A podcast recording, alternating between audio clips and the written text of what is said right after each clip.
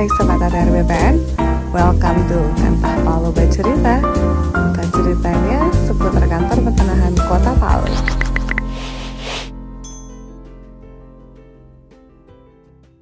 Assalamualaikum warahmatullahi wabarakatuh dan selamat sore.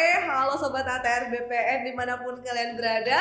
Senang sekali saya yang Raini finally kita bisa ketemu di podcast perdananya Kantor Pertanahan Kota Palu, Kantah Palu Bercerita Well, because this is our first podcast, kita akan bahas lebih detail uh, kantor pertahanan Kota Palu itu tempat apa sih sebenarnya?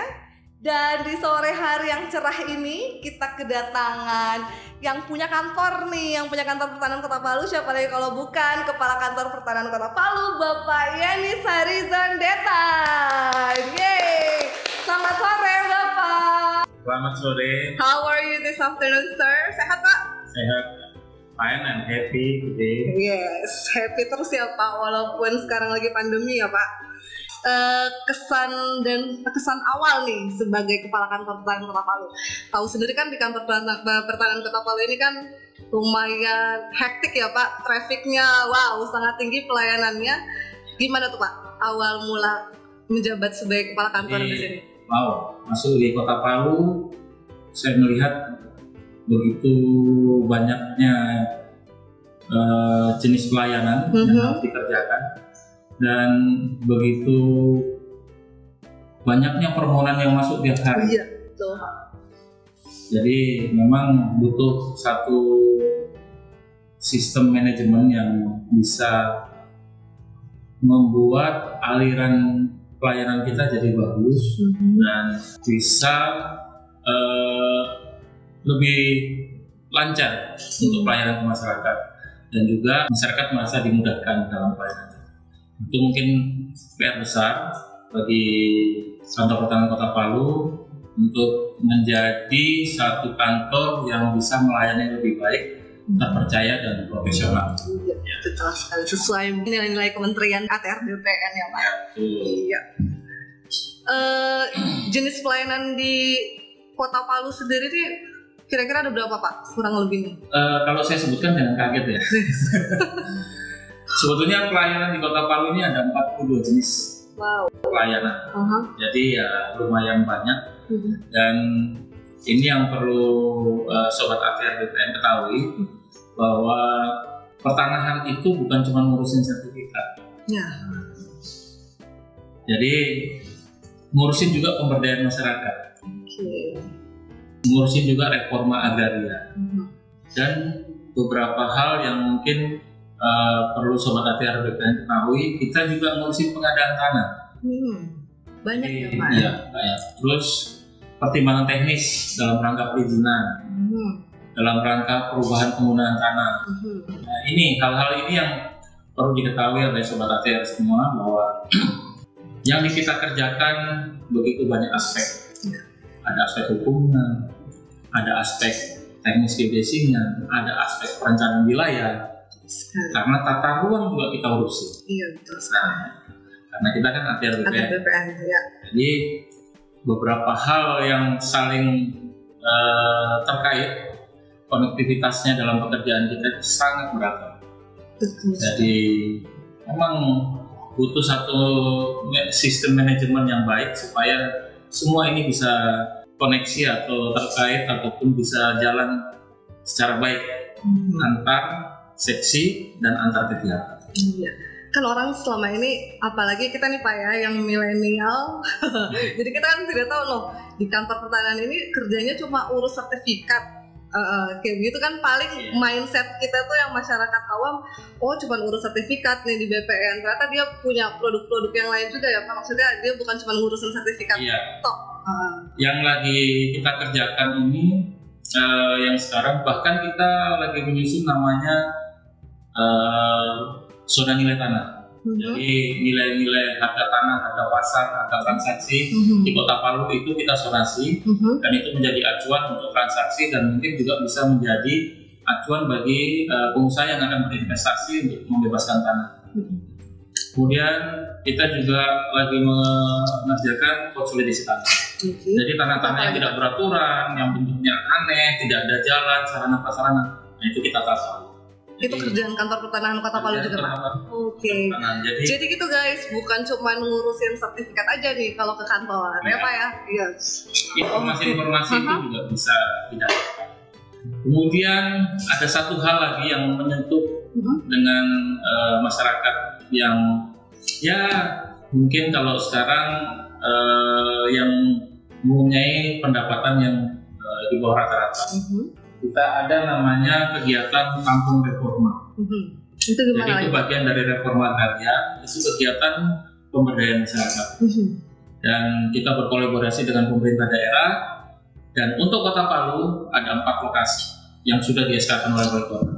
Itu di mana saja Pak? Yang pertama di Langgara, Hmm. itu kita akan eh, programkan dengan pemerintah Kota Palu itu menjadi kampung agrowisata. Wow, Jadi kampung OC itu Aha. kampung kalau dalam bahasa kailinya kampung beras. beras. Ya, itu akan menjadi kampung agrowisata Aha. dan mungkin akan didesain sehingga layak untuk menjadi tempat uh, tujuan wisata di Kota Palu. Wow. Kemudian yang kedua di Lekatu, Ipo. Mereka tuh. Oke, di Tipo. Itu untuk masyarakat yang uh, ingin bercocok tanam tapi ikan. Oh. ditanam itu ikan, buat Ikan. kolam itu sudah berkolaborasi juga dengan teman-teman di perikanan dan juga PU Mhm. pembuatan kolam nanti akan disupport oleh pemerintah kota juga. Nah, Terus kemudian yang ketiga di Kabunena. di situ apa lagi Pak? Ya, Kabunena itu ternyata tidak mempunyai tempat pembibitan ikan.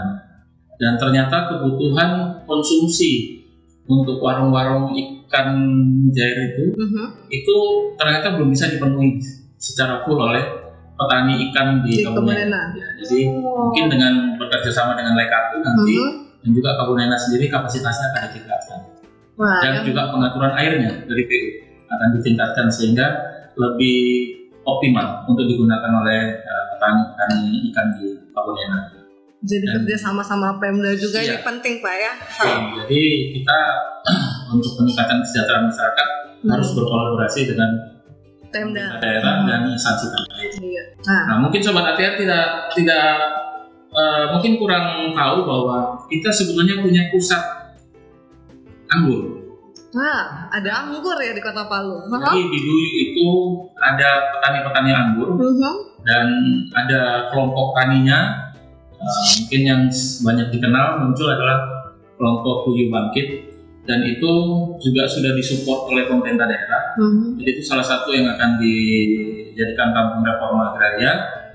Itu ternyata mereka butuh beberapa hal yang eh, karena kemampuan dana mereka eh, belum memadai, jadi pemerintah kota sudah memprogramkan untuk membantu mereka, terutama jalan dan plastik UV.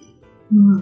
Dan mudah-mudahan dengan menyampaikan ini, kebutuhan anggur di Kota Palu belum bisa dipenuhi secara eh, maksimal oleh petani anggur di Duyu karena kekurangan lahan.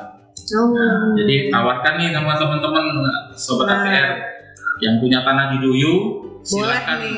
Iya, berkolaborasi. berkolaborasi. Iya, betul. Hasil atau Aha. apa pun Iya, Pak. ya di samping meningkatkan petani eh, pendapatan petani juga teman-teman bisa dapat hasil Nah, tuh masyarakat di Duyu nih kita Ya. ajak ya sama-sama buat kerjasama. Terus eh, program itu program-program strategis nasional ya Pak yang ada di Kota Palu. Hmm. Terus ada satu lagi nih Pak, Eh, dulu eh, masyarakat kenalnya Prona ya. Sekarang itu masih ada nggak Pak ya? memang dulu Proma Hah? tapi sekarang itu sobat ATR BPN istilahnya pendaftaran tanah sistematik lengkap Oh itu PTSL. Nah, PTSL ini Hah? eh, diharapkan semua goalnya ya Mhm.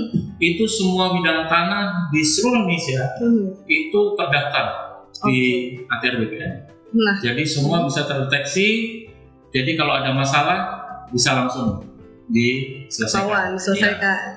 Jadi kalau semua tanah sudah terdaftar, Mhm.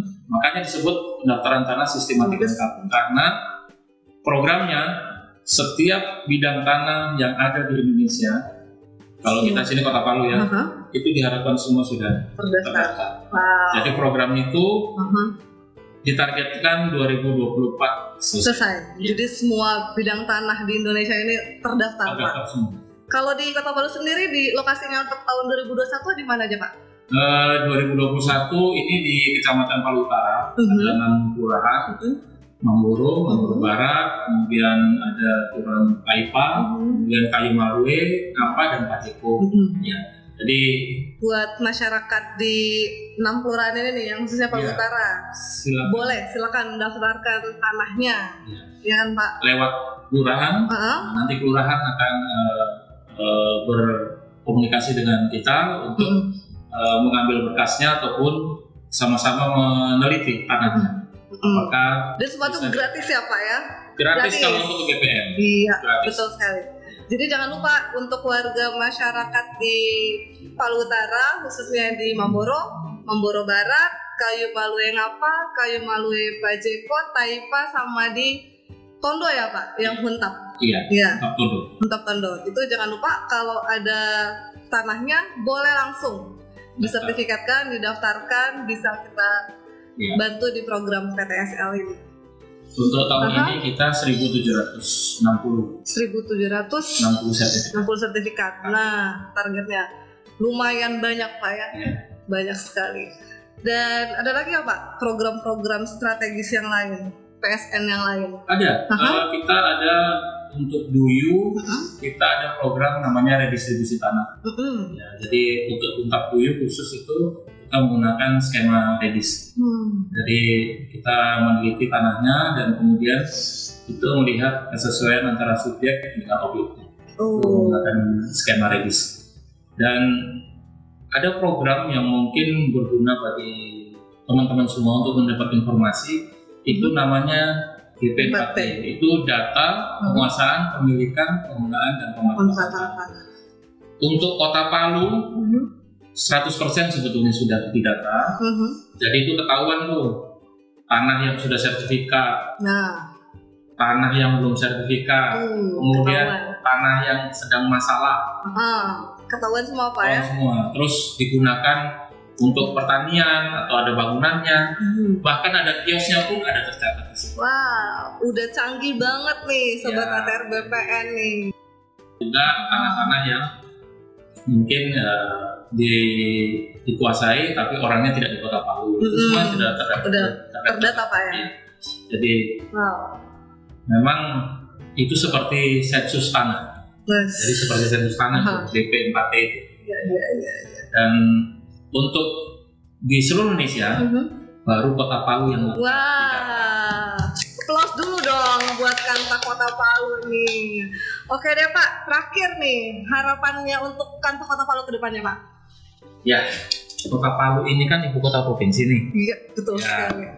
Kalau ibu kota provinsi itu kan jadi etalasenya provinsi. Benar Pak, banget. Iya. Ya. Kalau jadi etalase kita harus yang terbaik diberikan. Yes, betul. Pelayanan kepada masyarakat, support kepada pemerintah untuk Mhm. pembangunan dan peningkatan kesejahteraan masyarakat. Itu Yes. yang penting. Nih, kepala kantor tangan Kota Palu nih, sekali lagi applause dong sama TTR BPN. Eh, terakhir nih Pak, kita main game dikit ya Pak. Sebelum tutup nih, kita main games dulu Pak. Jawab cepet Pak. Bisa nggak Pak? Boleh. Boleh, iya. Oke deh, jawab cepet. Eh, kayak kita tes dulu. Eh, pilih teh atau kopi Pak? Teh. A- Aku atau dia Pak? Iya. Oke. Terus Pak, kalau Bapak pilih kakak apa kabit? Kabel. Kabit. Oh, Wih, berat kantor pusat apa daerah? bisa. Pusat. Terus ini kantor pusat nih, siapa tahu ada yang dengar nih orang di pusat. Terus eh, jauh dari keluarga tapi nggak ada masalah atau deket keluarga tapi banyak masalah nih di kantor? Dekat dengan keluarga. Tetap dekat dengan keluarga ya Pak ya. Cie, yang keluarga yang di rumah nih ya. Oke deh Pak, thank you so much sudah meluangkan waktunya di sini. Dan ha, Sobat Atar BPN, mungkin kita akan ketemu lagi di next podcast dengan hot-hot isu yang pasti lebih banyak lagi dan kita pun juga akan undang narasumber dari tempat lain lagi ya Pak ya bukan cuma di lingkungan kantor pertanian saja tapi kita bisa juga melibatkan Pemda karena memang kita juga banyak kerjasama sama Pemda dan instansi instansi yang lain Oke deh itu saja. Terima kasih. Thank you for listening and watching us. So see you again in the next episode. Dan bye bye. Bye bye.